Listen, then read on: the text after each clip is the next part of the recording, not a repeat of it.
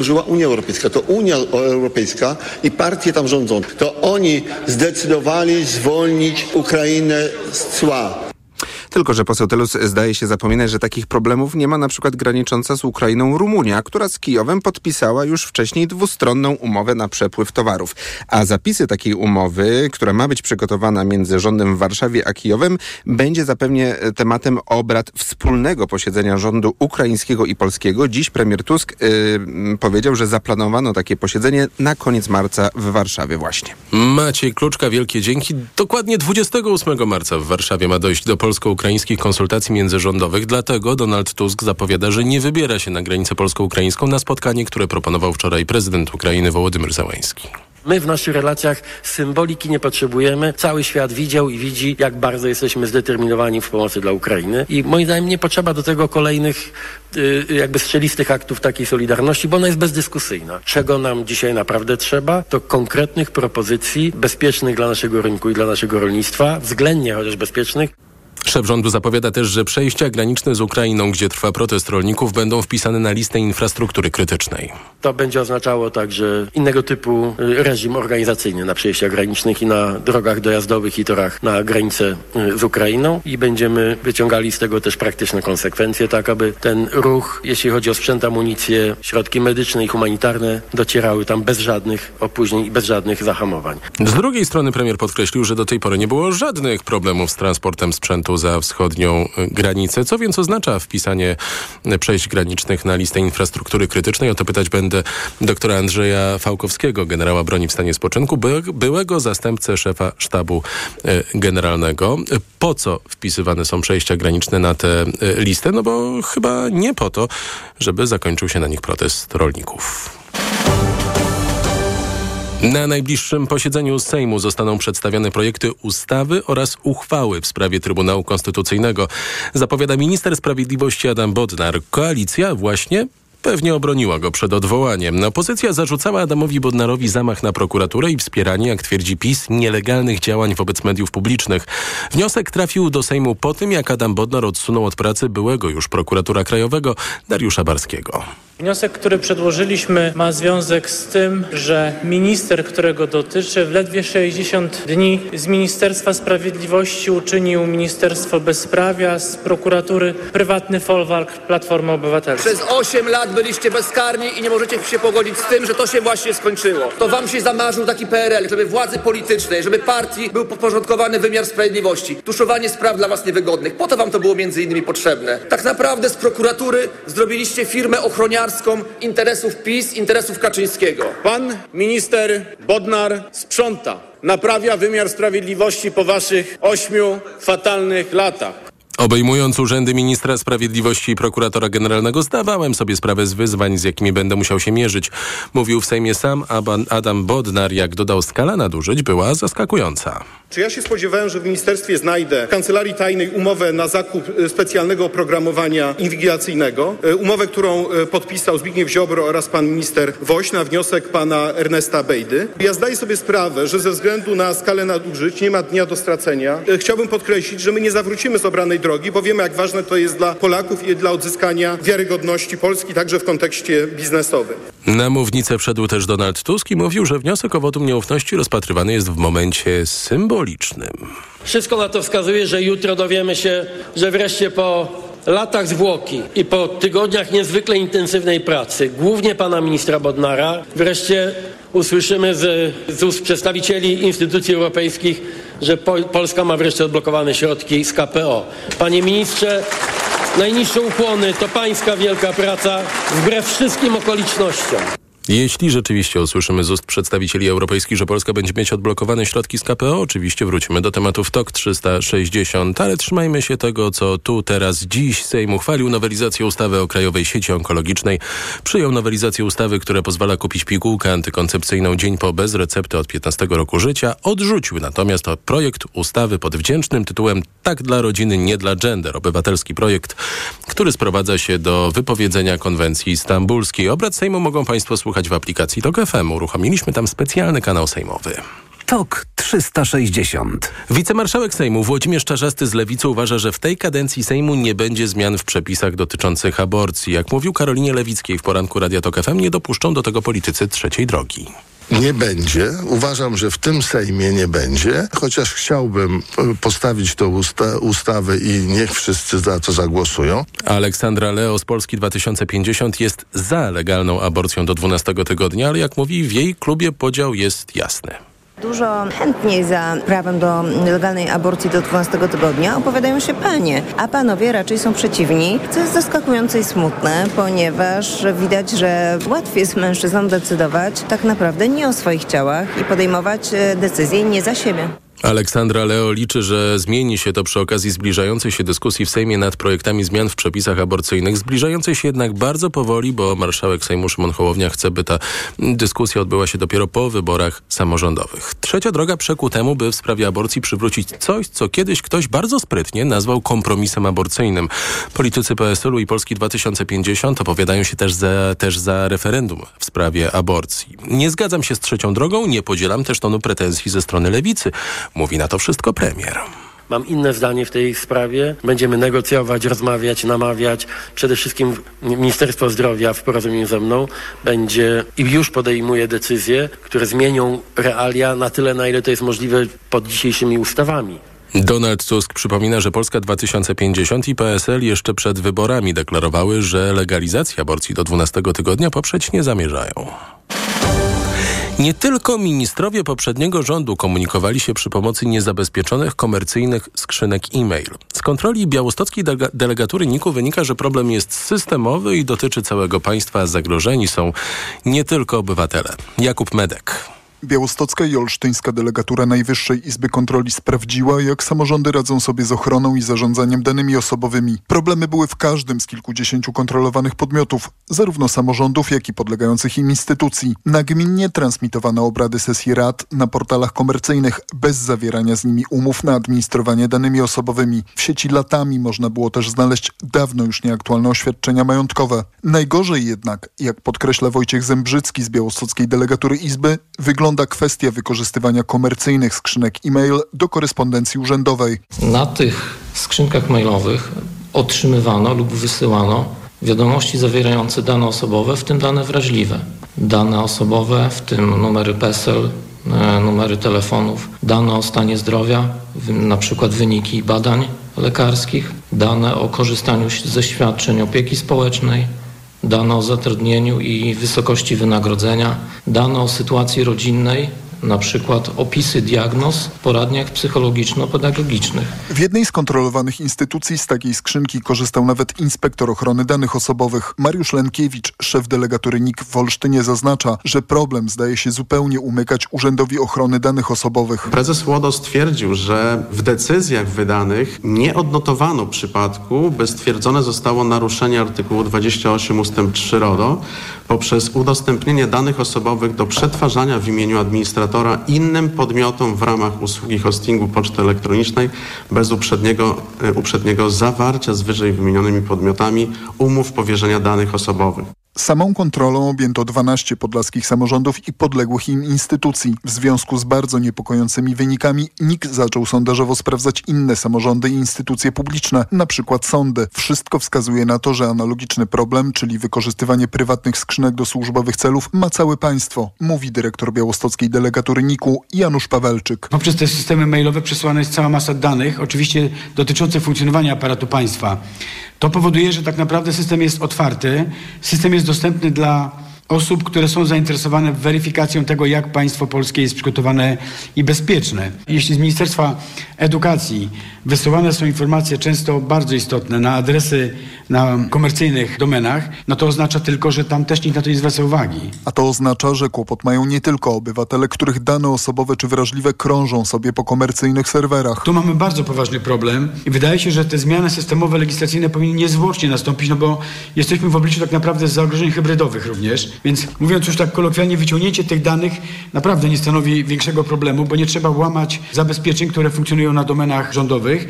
Podsumowując kontrolę, NIK konsultował się ze swoimi odpowiednikami z 15 krajów Unii. W 11 z nich instytucje publiczne wszystkich szczebli albo korzystają wyłącznie z domen rządowych, albo mają obowiązek posiadać własne, bezpieczne domeny. Jakub Medek, TOK FM.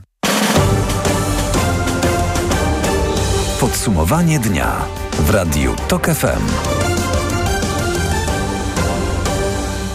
Władimir Karamurca wzywa do walki o demokrację po śmierci Aleksja Nawalnego. Więziony opozycjonista wystąpił z apelem podczas rozprawy sądowej za pośrednictwem wideołącza prosto z, kar z karceru o najsurowszych warunkach w rosyjskim więziennictwie.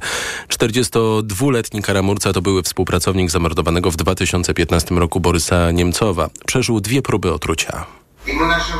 Zmarłym kolegom jesteśmy winni kontynuowanie działań z jeszcze większą siłą i osiągnięcie tego, dlaczego żyli i zginęli, żeby Rosja była normalnym, wolnym, europejskim krajem.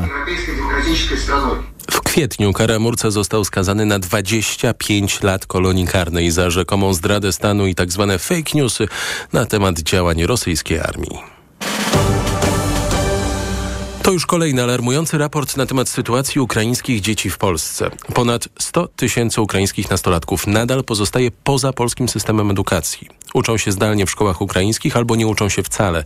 Tak wynika z raportu Poza Szkołą przygotowanego na zlecenie m.in. Save the Children. Organizacje apelują do rządu o stworzenie przemyślanych programów integracyjnych. Bez nich ukraińskiej młodzieży grozi wykluczenie społeczne. Krzysztof Horwat. Powody rezygnacji ukraińskich nastolatków z nauki w polskiej szkole są różne. Część z nich liczy na to, że wkrótce wróci do siebie, innych zniechęcają procedury rekrutacyjne. Najczęściej jednak przeszkodą są bariery kulturowa i językowa, mówi Olga Jabłońska z Save the Children Polska. Z naszych badań wynika, że oczywiście są podejmowane różne aktywności, zarówno jeżeli chodzi o stronę rządową, e, samorządy czy organizacje pozarządowe dotyczące wsparcia zarówno opiekunów, jak i dzieci w zapisywaniu się do polskich szkół. Natomiast ciągle są to działania niewystarczające. Jest ciągle zbyt niewiele, na przykład e, asystentów międzykulturowych, którzy mogą takie wsparcie oferować. Sytuacja, w której tak duża grupa młodzieży jest poza systemem edukacji, grozi jej wykluczeniem społecznym, podkreśla Piotr Sasin z Kerry International. Te dzieci dzisiaj tutaj są i one tutaj najprawdopodobniej zostaną.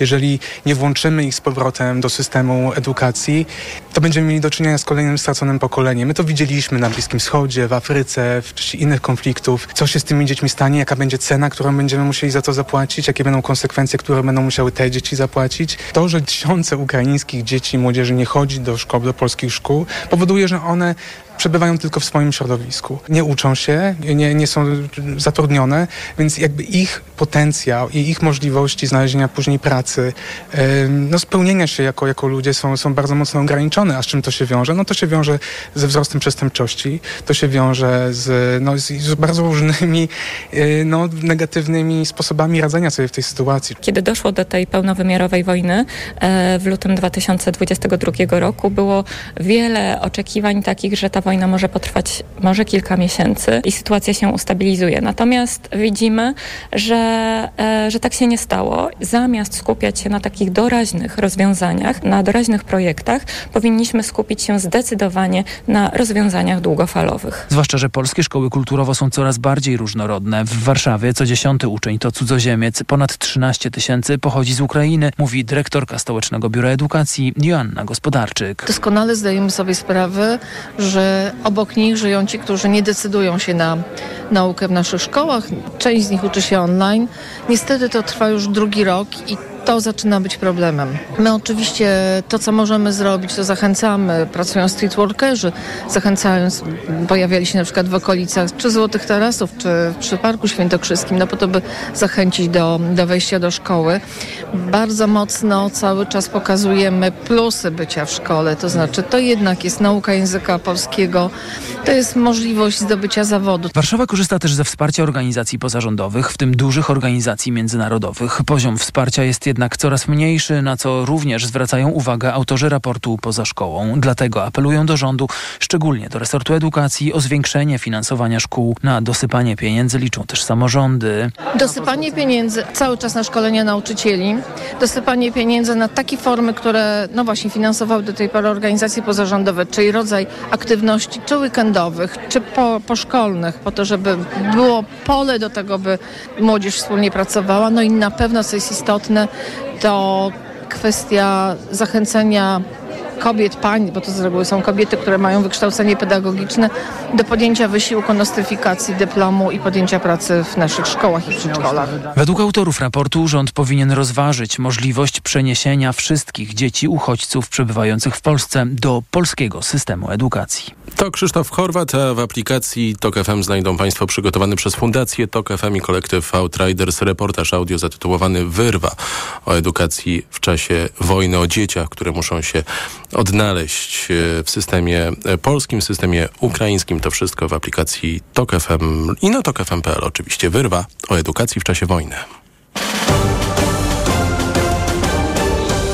TOK 360. A teraz odsyłam czy to do aplikacji, czy to do godziny 20 do anteny e, Radia Tok FM. Dzięki historii pana Jarosława, Michał Janczura, autor serialu dokumentalnego Tok FM, odkrywa kolejne nieprawidłowości medycznego podziemia.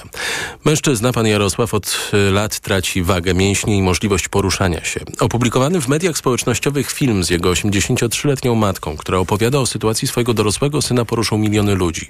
W pomoc zaangażowali się celebryci i politycy. Udało się zebrać pieniądze na leczenie, a ponieważ kobieta wspomniała o boreliozie, historię chcieli wykorzystać ci, którzy zarabiają na pseudoterapiach. Dzień dobry, Michał Janczura. Kiedyśmy umówieni? Stok FM. 25 kilo straciłem. 5 miesięcy. I chodziłem po lekarzach i rozkładali ręce. Idę, pokazuję mu to, a on mówi, no nie ma pan boreliozy. Ja mówię, tak? A co pan powie na to? I pokazałem mu ten papierek na przeciwciała, że miałem za, za 99. A to jednak pan ma. Czy w ogóle cokolwiek tutaj wskazuje na tę chorobę? W tej dokumentacji jest bardzo dokładnie przeprowadzona diagnostyka neurologiczna, bardzo rzetelnie, w ośrodku o wysokiej referencyjności, gdzie zdiagnozowano nietypowy, nieklasyczny przebieg parkinsonizmu. Kolejny odcinek serialu Podziemie. Przypadek Jarosława jest już e, w aplikacji TOK FM i na tokfm.pl, a po 20 będzie go można posłuchać e, również w radiu. TOK FM. Tymczasem dochodzi 18.20. Za chwilę Ekonomia 360, a potem goście. Sponsorem programu jest Nestbank, oferujący konto i kredyty dla firm. Nestbank.pl Ekonomia 360. Wojciech Kowalik. Boomu konsumpcyjnego jeszcze nie ma, choć wygląda na to, że Polacy znów pozwalają sobie na więcej na zakupach. Tak wynika z danych o styczniowej sprzedaży detalicznej. Wzrosła w skali roku o 3% i to wynik lepszy od oczekiwań ekonomistów. Jeszcze listopad i grudzień przynosiły negatywne niespodzianki z tego silnika gospodarki. W styczniu, jak piszą analitycy PKO SA, polski konsument wrócił nad kreskę. W ten sposób na napędzi całą gospodarkę, mówi Mariusz Zielonka, ekonomista Konfederacji Lewiatan. Sprzedaż detaliczna, a co za tym idzie konsumpcja krajowa, wyrastają nam na pierwszego lidera tegorocznego wzrostu gospodarczego. Widzimy, że rośnie nam skłonność do oszczędności, czy też możliwości większych zakupów w przyszłości. Nasze wynagrodzenia realnie rosną i co oznacza, że Polakom coraz więcej zostaje w kieszeni. Ciągle jednak odkładamy większe zakupy tzw. Tak dóbr trwałego użytku, a więc na przykład mebli czy sprzętu elektronicznego. Polska znów jest w inflacyjnej czołówce Unii Europejskiej. Według metodologii unijnego Eurostatu w styczniu ceny rosły u nas w tempie 4,5%. Przypomnę, że według naszego GUS-u było to niespełna 4%. I z takimi wynikami Polska znalazła się tuż za inflacyjnym podium. Szybciej od nas ceny rosną w Rumunii, która zastąpiła Węgry na pozycji inflacyjnego lidera Unii, a także w Estonii i Chorwacji. innowacji. Za tydzień emeryci i renciści dostaną podwyżkę swoich świadczeń. W tym roku waloryzacja wyniesie ponad 12%. Agnieszka Wynarska. Podwyżka przysługuje z urzędu. To oznacza, że nie trzeba składać żadnych wniosków w tej sprawie. Świadczenia wzrosną o 12%, mówi Krystyna Michałek z Zakładu Ubezpieczeń Społecznych w Bydgoszczy. Czyli na przykład jeśli w lutym emerytura wynosiła 2500 zł brutto, to w marcu wzrośnie o 303 zł brutto. Podwyżką objęte będą również świadczenia pieniężne i dodatki. Najpopularniejsze z nich dodatek pielęgnacyjny przysługujący m.in. osobom powyżej 75 roku życia wyniesie nie 294, a 330 zł. Agnieszka Wynarska, TOK FM. W kwietniu emeryci i renciści dostaną też tak zwaną trzynastkę, która wyniesie prawie 1800 zł brutto. Radio TOK FM, pierwsze radio informacyjne. W wirtualnym urzędzie skarbowym podatnicy rozliczyli dotąd ponad milion deklaracji, a to oznacza, że większość z nas ciągle jeszcze nie złożyła PIT-u za poprzedni rok. O czym warto pamiętać przy zatwierdzaniu gotowych zeznań, sprawdzał Tomasz Setta.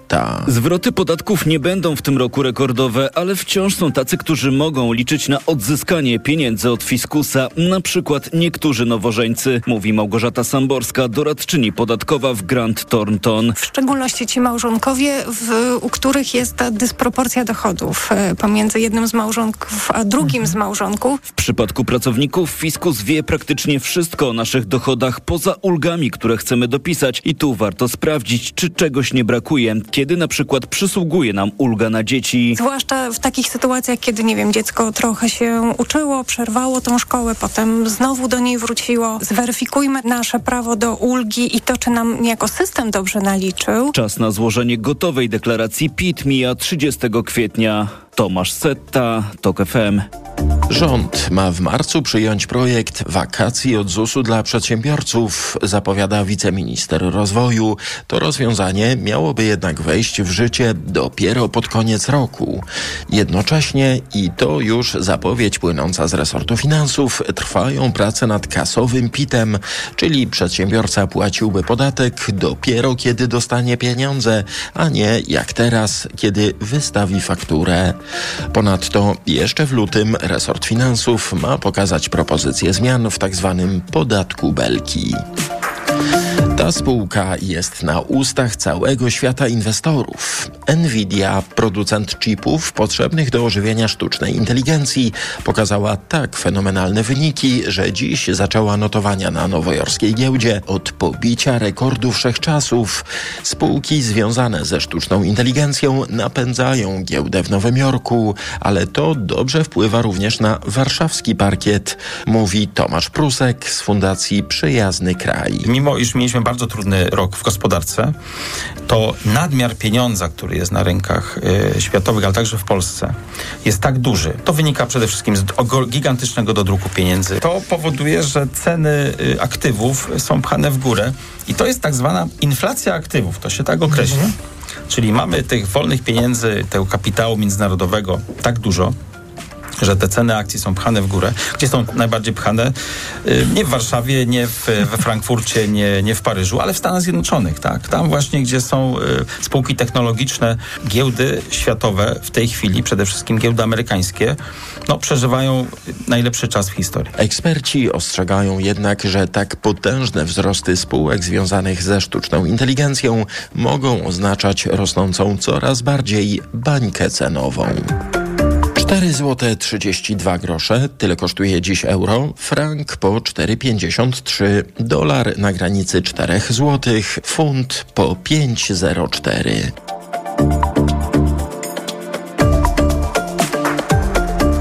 Ekonomia 360. Sponsorem programu był Nestbank, oferujący konto i kredyt dla firm. Nestbank.pl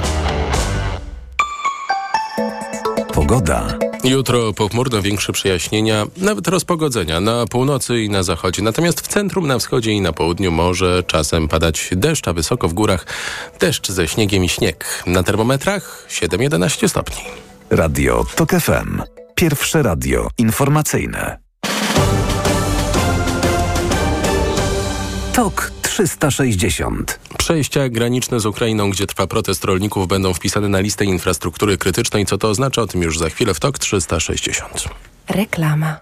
Agata jak robi promocję, to zawsze z rozmachem. No, dlatego korzystamy. Teraz w Agacie wielka promocja. Wow! 20 rat 0% bez żadnych dodatkowych kosztów albo tysiące produktów z rabatami aż do 40%. Na przykład meble kuchenne Kubik do 40% taniej i wybrane garnki i patelnie też do 40% taniej. Tylko do 16 marca. Szczegóły w sklepach i na agatameble.pl. Agata, kupuj w sklepach i online. Co teraz dawać dzieciom na odporność? Rutina C A Junior Plus. Syrop dla dzieci wzbogacony o czarny bez i cynk. To naprawdę bogaty skład. Witamina C i cynk wspomagają układ odpornościowy, a czarny bez wspiera układ oddechowy. Suplement diety Rutina C Junior Plus. Odporność na potęgę. Aflofarm. O, Essentiale Max. Jakieś noworoczne postanowienie? Tak, postanowiłem regenerować swoją wątrobę z Essentiale Max. To najwyższa dawka fosfolipidów, aż 600 mg w jednej kapsułce. I to lek, nie suplement. Brawo! To będzie na maksa spełnione postanowienie. Lek Essentiale Max. Najwyższa dawka fosfolipidów w jednej kapsułce. Działa dla szybszej regeneracji wątroby. Essentiale Max. Kapsułki twarde 600 mg fosfolipidów z nasion sojowych. Wskazania. Roślinny lek stosowany w chorobach wątroby. Zmniejsza dolegliwości jak brak apetytu, uczucie ucisku w prawym nadbrzuszu spowodowane uszkodzeniem wątroby w wyniku nieprawidłowej diety, działanie substancji toksycznych lub zapalenie wątroby. Opella Healthcare Poland Grupa Sanofi. To jest lek. Dla bezpieczeństwa stosuj go zgodnie z ulotką dołączoną do opakowania. Nie przekraczaj maksymalnej dawki leku. W przypadku wątpliwości skonsultuj się z lekarzem lub farmaceutą. Reklama. TOK 360. Gościem TOK 360 jest dr Andrzej Fałkowski, generał broni w stanie spoczynku, były zastępca szefa Sztabu Generalnego Wojska Polskiego. Dobry wieczór. Dobry wieczór, dobry wieczór Państwu. Przejścia graniczne z Ukrainą zostały, mówi premier, wprowadzone, ja bym chyba powiedział wpisane, na listę infrastruktury krytycznej. Chodzi o zagwarantowanie, że pomoc militarna i humanitarna dotrze do Ukrainy. E, Co to formalnie oznacza? Bo premier mówił też, że będzie to się wiązało z innym reżimem organizacyjnym. Mm, Ja, ja nie widzę przejść granicznych jeszcze na liście infrastruktury krytycznej, bo to reguluje ustawa o zarządzaniu kryzysowym z 2007 roku. E, Należy, należy przede wszystkim spojrzeć na to, co to jest infrastruktura krytyczna i do czego ta infrastruktura służy. To są systemy i wchodzące w ich skład obiekty, obiekty budowlane, urządzenia, instalacje, e, które są kluczowe dla bezpieczeństwa państwa i jego obywateli i służą zapewnieniu sprawnego funkcjonowania organów administracji publicznej.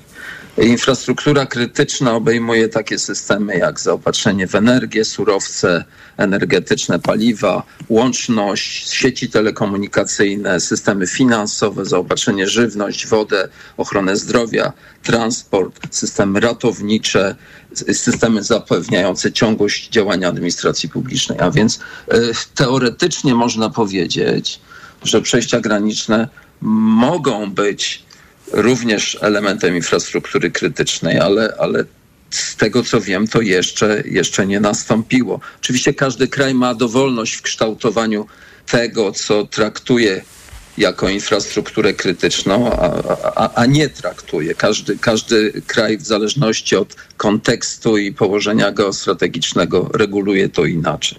Ale ja rozumiem tę e, logikę, że przejścia graniczne. Czy generalnie, biorąc pod uwagę ten warunek niezbędności dla bezpieczeństwa, czy zwłaszcza w warunkach e, wojny w Ukrainie i e, transportu e, broni, pomocy humanitarnej przez, przez te przejścia, kwalifikują się do obecności na tej, na tej liście? Ale jakie to rodzi konsekwencje w takim razie? Czy można tam na przykład prowadzić protesty?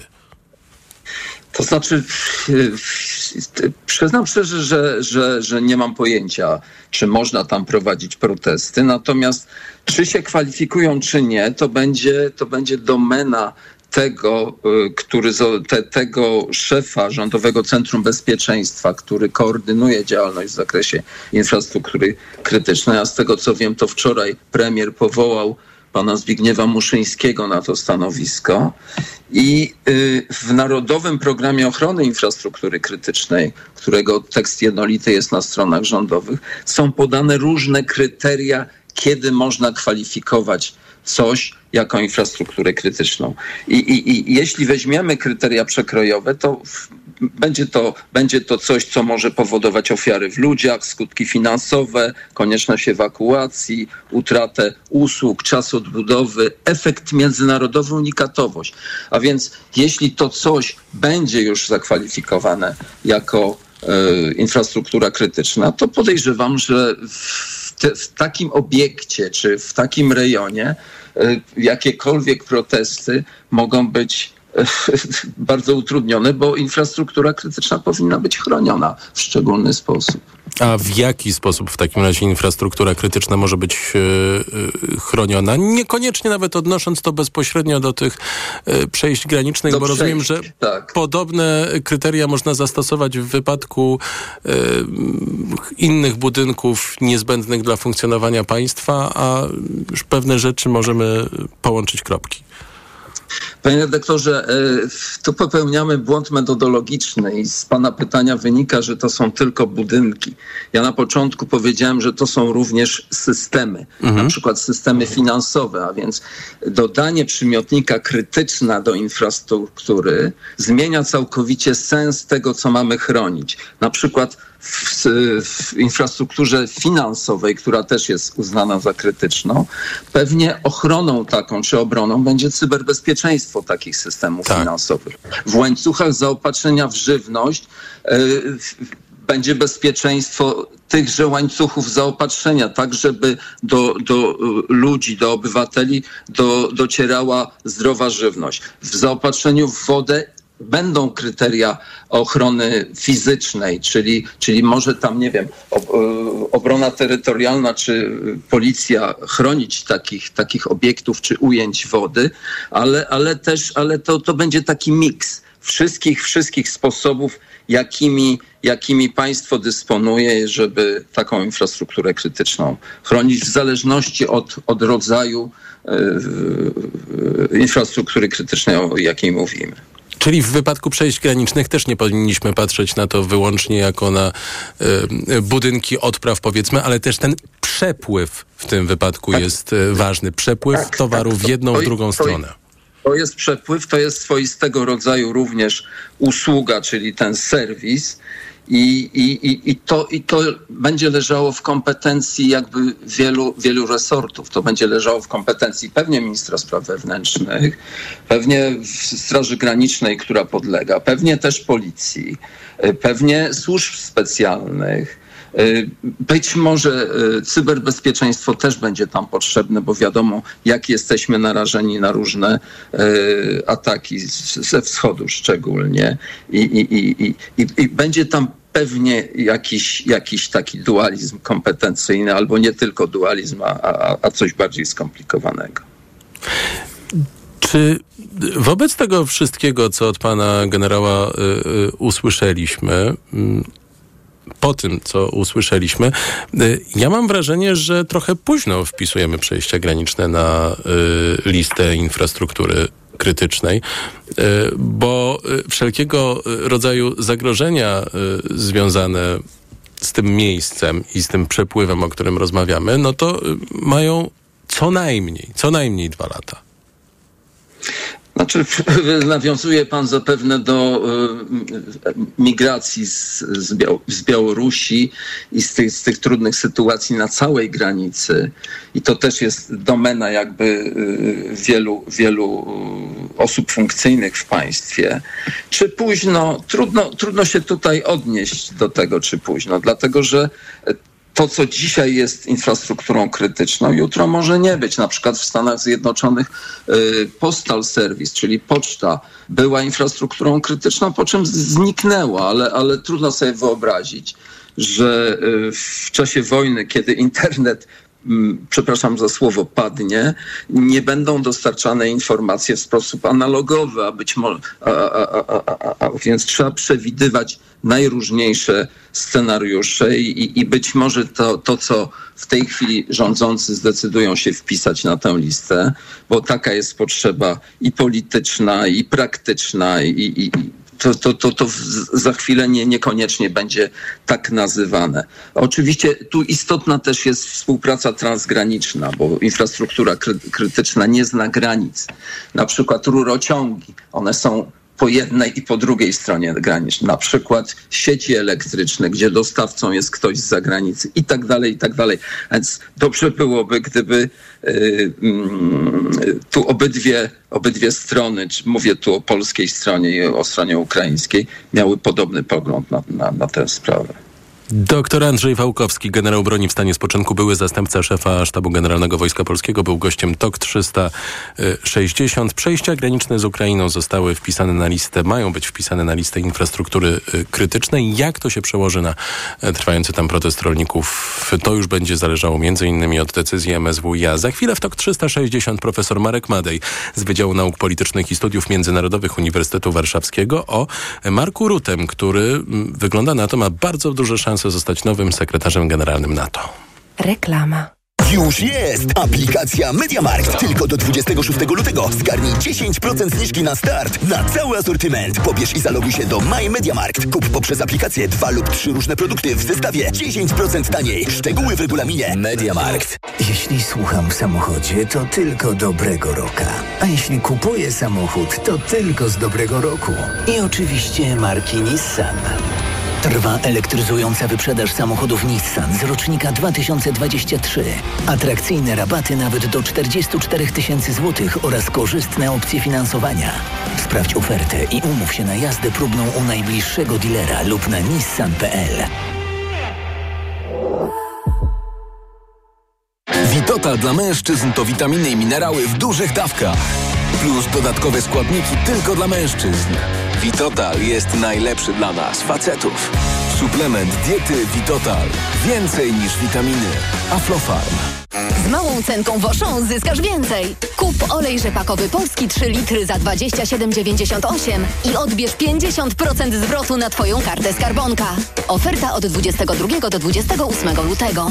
Szczegóły na oszą.pl Kiedy mój Tadzio zaczyna chorować, nie czekam aż infekcja się rozwinie. Od razu sięgam po odpowiedni lek. Wybieram Lipomal. Syrop z wyciągiem z lipy przeznaczony do stosowania w pierwszej fazie infekcji. Lipomal to sprawdzone rozwiązanie, które wspomaga w stanach gorączkowych, przeziębieniu i kaszlu. Syrop 97 mg na 5 ml.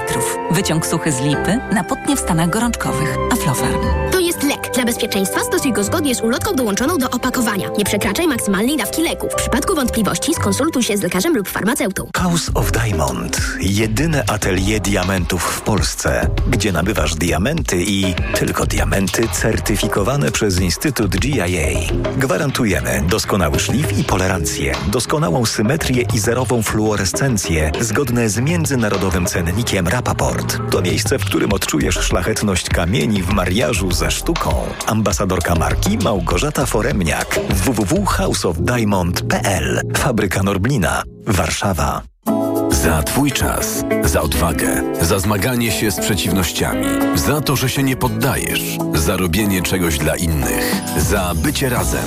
Związek Organizacji WRZOS dziękuję za kolejny wspólnie spędzony rok. Wszystkim działającym w stowarzyszeniach, fundacjach, klubach sportowych, lokalnych grupach działania, OSP oraz kołach gospodyń wiejskich. Wasze zaangażowanie dla lokalnej społeczności jest bezcenne. www.wrzos.org.pl jak naturalnie budować odporność? Czym wzmocnić organizm swój lub swoich dzieci? Po jakie naturalne substancje warto sięgnąć? Zapraszamy na cykl, w którym razem z zaproszonym ekspertem poruszymy te oraz inne tematy dotyczące naszej odporności. Już po godzinie 12.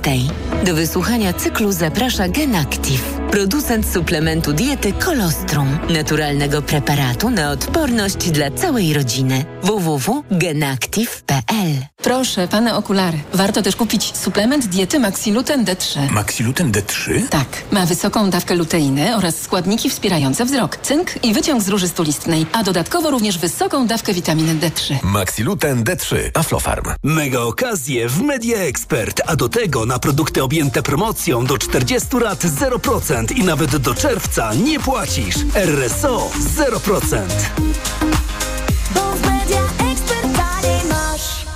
Reklama. TOK 360 Gościem TOK 360 jest profesor Marek Madej z Wydziału Nauk Politycznych i Studiów Międzynarodowych Uniwersytetu Warszawskiego. Dobry wieczór. Dobry wieczór panu, dobry wieczór państwu. Prezydent Stanów Zjednoczonych Joe Biden popiera kandydaturę premiera Holandii Marka Rutego na stanowisko sekretarza generalnego NATO, tak amerykański urzędnik powiedział agencji e, Reutera. E, Rutte mm, planuje wciąż odejście z krajowej holenderskiej e, polityki, ogłosił to w lipcu, no ale nie może odejść, bo wciąż nie został wyłoniony po wyborach nowy holenderski rząd, ale może, może w końcu się uda. Rutego ma też popierać Wielka Brytania. Takie sygnały napłynęły dzisiaj z Londynu. Wymagana jest e, pełna zgodność albo przynajmniej brak sprzeciwu, jeżeli wybiera się nowego sekretarza generalnego NATO, ale zakładam, że głos Joe'ego Bidena i głos Wielkiej Brytanii e, waży w tych rozważaniach całkiem sporo.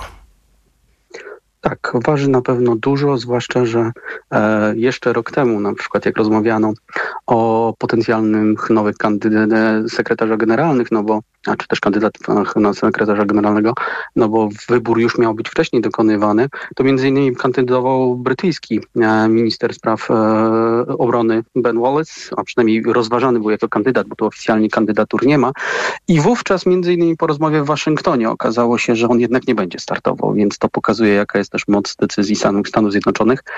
E, I tak, w przypadku sojuszu nie ma czegoś takiego jak lista kandydatów i tutaj się nie głosuje na, na jaką oficjalnej kampanii nie prowadzi, natomiast uzgadnia się te kandydatury i fakt, że tak otwarcie mówi się o Marku Rutte świadczy, że jego szanse są stosunkowo duże, zwłaszcza, że nie bardzo w tym momencie jest, e, jest e, łatwo znaleźć konkurenta równie poważnego i, i równie kompromisowego, bo rzeczywiście on nie, nowy sekretarz generalny nie może budzić niechęci żadnego z członków. Może nie wszyscy muszą z tym samym entuzjazmem go popierać, ale, ale muszą przynajmniej się jemu nie sprzeciwiać i wydaje się, że kandydatura Marka Rutego na dziś przynajmniej ma bardzo poważne szanse.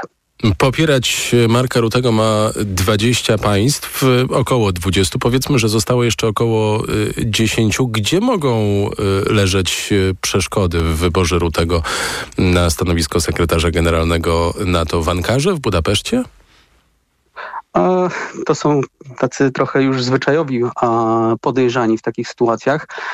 W przypadku Turcji rzeczywiście zawsze istnieje swego rodzaju ryzyko mm, grania na, na, na zysk jakiś. To znaczy Turcy wykorzystują niemal każdą trudniejszą decyzję w sojuszu ostatnio do stawiania żądań niepowiązanych bezpośrednio z tą sprawą, no ale w ten sposób targowania się, więc niewykluczone, że wśród tych, tej mniejszości, która nie wydaje się jeszcze przekonana do kandydatury Rutego, będzie Turcja. Co do Węgier, no ich polityka w NATO obecnie jest tak nieczytelna i tak niejasne nie, nie są e, motywy poza no, prorosyjskością jako taką, e, ale tej za to, za to otwarcie nie można powiedzieć, że, że też nie, nie można wykluczyć, że Węgrzy będą e, stawali okoniem. To znaczy w większości krajów te, które będą widziały w Marku Rutem kandydata zbyt stanowczego, na przykład wobec, wobec Rosji, albo znowuż te kraje, które, mm, które będą widziały w nim kandydata nie może nie do końca zdolnego na przykład, by rozwiązywać problemy które możemy przypuszczać będą występować, zwłaszcza w przypadku wyboru e, Donalda Trumpa na, na, na, prezydenta Stanów Zjednoczonych, ponieważ e, to jest problem każdego kandydata, obojętnie czy będzie to Mark Rutte, czy kogokolwiek inny. Jens Stoltenberg uchodził za jednego z najlepszych sekretarzy w historii sojuszu, a zwłaszcza w czasie, kiedy musiał, musiał e, radzić sobie z no, sceptycznym wobec NATO Donaldem Trumpem, uchodził za swego rodzaju zaklinacza Trumpa i, i stąd może też niektórzy mogą mieć wątpliwości, czy Mark Rutte posiada te same e, umiejętności, mimo że jest na pewno bardzo doświadczonym politykiem. Jak go profilować jako e, kandydata? Pan wspomniał o tych relacjach z Rosją. On rozumiem, że nie jest e, za bardzo antyrosyjski, że zacytuję e, argument kanclerza Niemiec Olafa Scholza przeciwko Ursuli von der Leyen. Swego czasu też na to stanowisko wymienia je Tak, z tym, że ja bym powiedział, że on jest na pewno akceptowalnie antyrosyjski dla większości państw członkowskich. To znaczy teraz w sojuszu trudno powiedzieć, że no poza przypadkiem węgierskim, e, że mamy jakieś e, stolice e, no, zainteresowane współpracą z Rosją. To jest oczywiście w obecnych warunkach już raczej przesądzone. Bardziej chodzi o to, że Mark Rutte, który no, jest też raczej z powiedzmy centroprawicowej części sceny politycznej, z kraju, który z jednej strony jest dość aktywny gdy chodzi o pomoc Ukrainie. Między innymi oni, Holendrzy i Duńczycy rozpoczynali inicjatywę szkolenia na pilotów na, na F-16 i mocno zaangażowali się w organizację dostaw tego rodzaju sprzętu, także dostaw sprzętu pancernego. Także nie można mówić, że, że nie e, Holandia, reprezentowana przez Marka Rutego też, dopóki był premierem, nie jest zaangażowana w to wsparcie, ale zarazem jest jednak e, przedstawicielem kraju Europy Zachodniej, e, nie frontowego, jak, jak na przykład potencjalna kontrkandydatka, jaką była Kallas, premier Estonii, Kaja Kallas. Natomiast trudno powiedzieć, że był w takim razie no, ktoś w sojuszu, kto jest bardzo, przepraszam e, kto jest bardzo o, prorosyjski w tym momencie wśród kandydatów i sądzę, że dlatego jakby tutaj natężenie zdecydowania i, determinacji wobec e, Rosji jest e, jakby akceptowalne dla praktycznie większości zdecydowanej sojuszu. Jakie to będą wyzwania przed nowym sekretarzem generalnym i kiedy on może zająć, yy, kiedy może objąć stanowisko? Znaczy powinien od października tego roku, czyli w zasadzie w, powinno się to rozstrzygnąć na, najpóźniej pewnie na szczycie.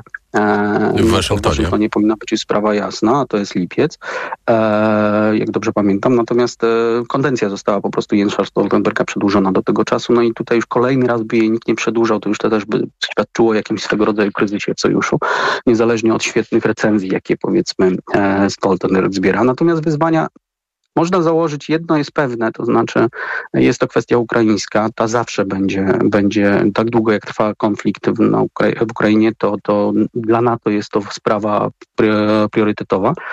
E, druga e, rzecz, no to jest właśnie kwestia, jak będzie rozwijała się sytuacja w polityce e, w Stanach Zjednoczonych, bo w momencie, kiedy wybór Donalda Trumpa stanie się bardzo prawdopodobny albo po prostu się dokona, no to dla NATO oznacza to bardzo poważne napięcia wewnętrzne, przynajmniej stan takiego ciągłej niepewności, czy przypadkiem sojusznik amerykański z dnia na dzień niemalże nie zmieni zdania kwestii bądź w ogóle współpracy, bądź na przykład konkretnych projektów. Także będzie też bardzo poważne zadanie i z perspektywy sekretarza generalnego prawdopodobnie nawet, nawet ważniejsze utrzymywania jedności. No i jeszcze, jeszcze trzecia sprawa, która wiąże się z Ukrainą, wiąże się w ogóle z funkcją NATO, znaczy odbudowa natowskich zdolności obronnych e, w kontekście odstraszania i obrony Rosji, również gdyby trzeba było no, z większym udziałem państw europejskich, a więc mobilizowanie europejskich sojuszników.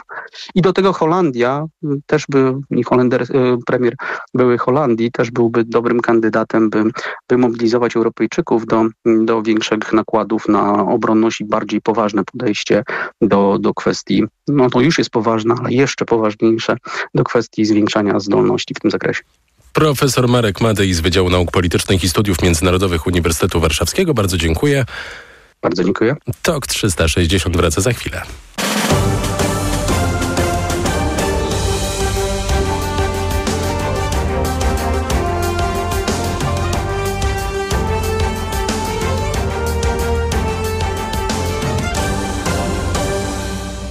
Jeżeli przestępcą jest osoba, która popełniła przestępstwo, to panowie Kamiński i Wąsik są przestępcami. Kiedy mamy do czynienia z ułaskawieniem osoby prawomocnie skazanej wyrokiem sądu i następuje zatarcie skazania, ta osoba ma prawo twierdzić, że jest osobą niekaraną. Będą osobami niekaranymi. Czyli jak mówimy o nich przestępcy, to mamy rację w sensie prawnym, czy będziemy musieli przepraszać?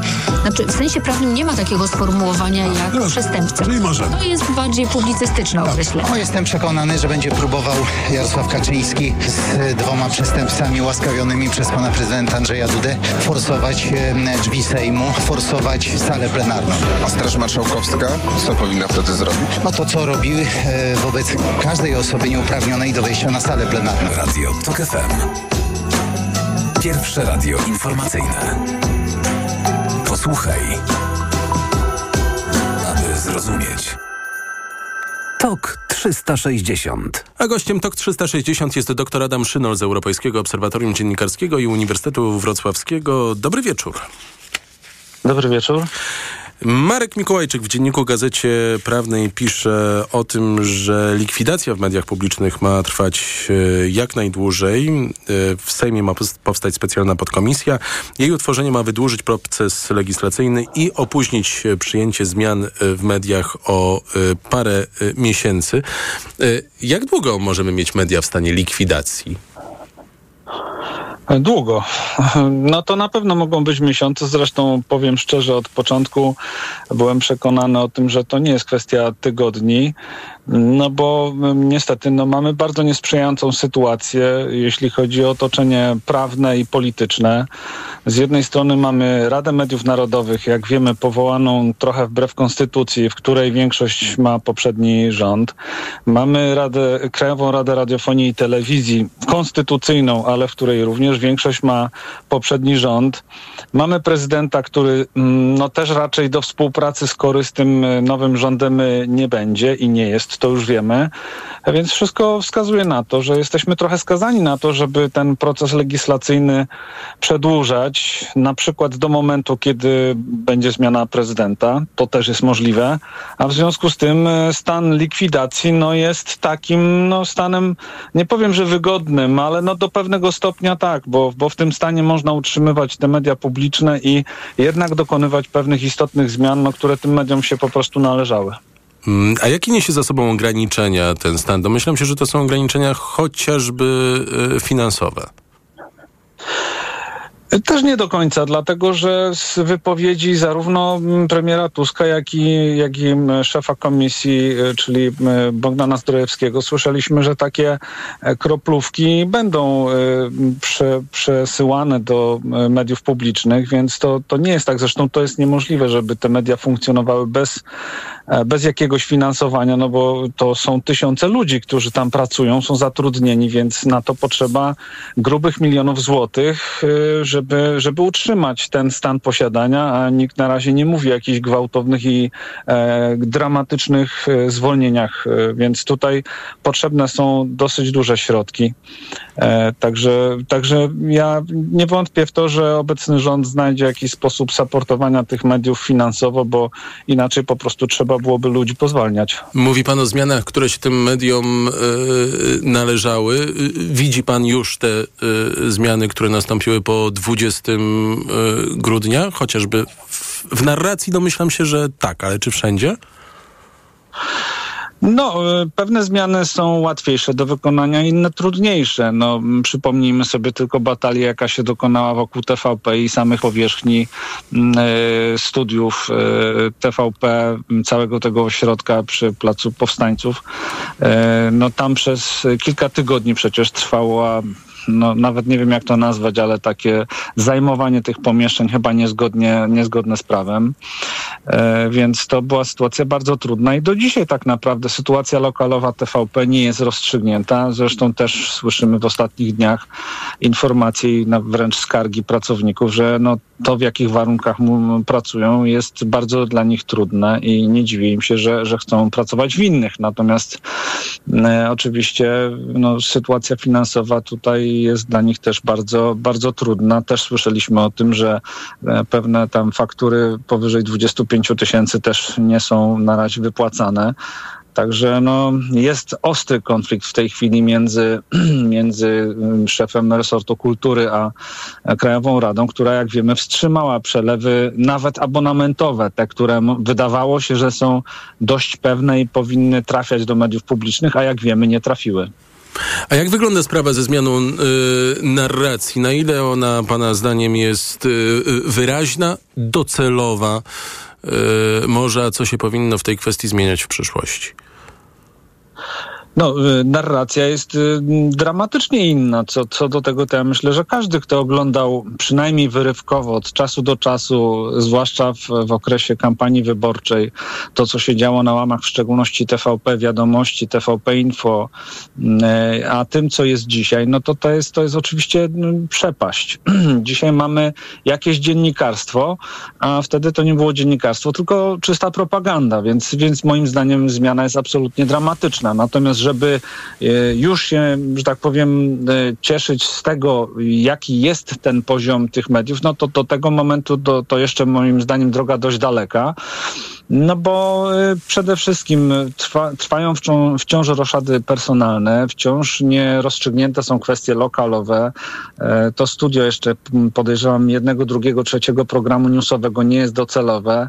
Niektóre programy jeszcze tak naprawdę nie, nie powróciły do swojego nadawania. No, Panorama ma nagle jakąś godzinę 22.30, 20 ruchomą. Nie ma panoramy na przykład o 18, która przecież przez całe lata była. E, więc, więc to są na razie dosyć wciąż jeszcze spartańskie warunki. No i e, ten zespół jeszcze nie jest ugruntowany. Tam jest dosyć duża, no nie powiem, że zbieranina, ale całkiem spora rzesza ludzi, którzy w telewizji na przykład część z nich w ogóle nie pracowała, została ściągnięta z innych redakcji, także radiowych. A żeby być dobrym dziennikarzem telewizyjnym, no to to się nie dzieje z dnia na dzień. To jest proces, który będzie trwał i te zespoły będą się docierać. Natomiast no dzisiaj widzimy, że to nie jest jakaś tam e, propaganda, tylko próba robienia dziennikarskich produktów, jeszcze nie najwyższych oczywiście lotów. To jeszcze zapytam o to, co będzie y, kiedyś, y, kiedyś, kiedy skończy się stan likwidacji, może zmieni się właśnie prezydent, który ewentualne zmiany dzisiaj może zablokować, kiedyś w przyszłości nie zablokuje. Co trzeba wziąć pod uwagę w tej nowej ustawie medialnej, żeby wyciągnąć wnioski z teraźniejszości i przeszłości? No najlepiej wszystko, ale tak y, próbując to skonkretyzować. Po pierwsze jakieś stabilne finansowanie i na pewno nie na podstawie abonamentu, który jak wiemy jest totalnie archaiczny i, i to już jest przeszłość. Czyli na przykład ten taki wpisany na stałe jakiś podatek, który będzie jakoś tam rewaloryzowany i będzie on zapisany w, w ustawie. Więc solidność finansowa. Także mm, na tyle, na ile to oczywiście się da niezależność polityczna. Ja wiem, że w naszym kraju to, to się może zdarzyć jeszcze, to się,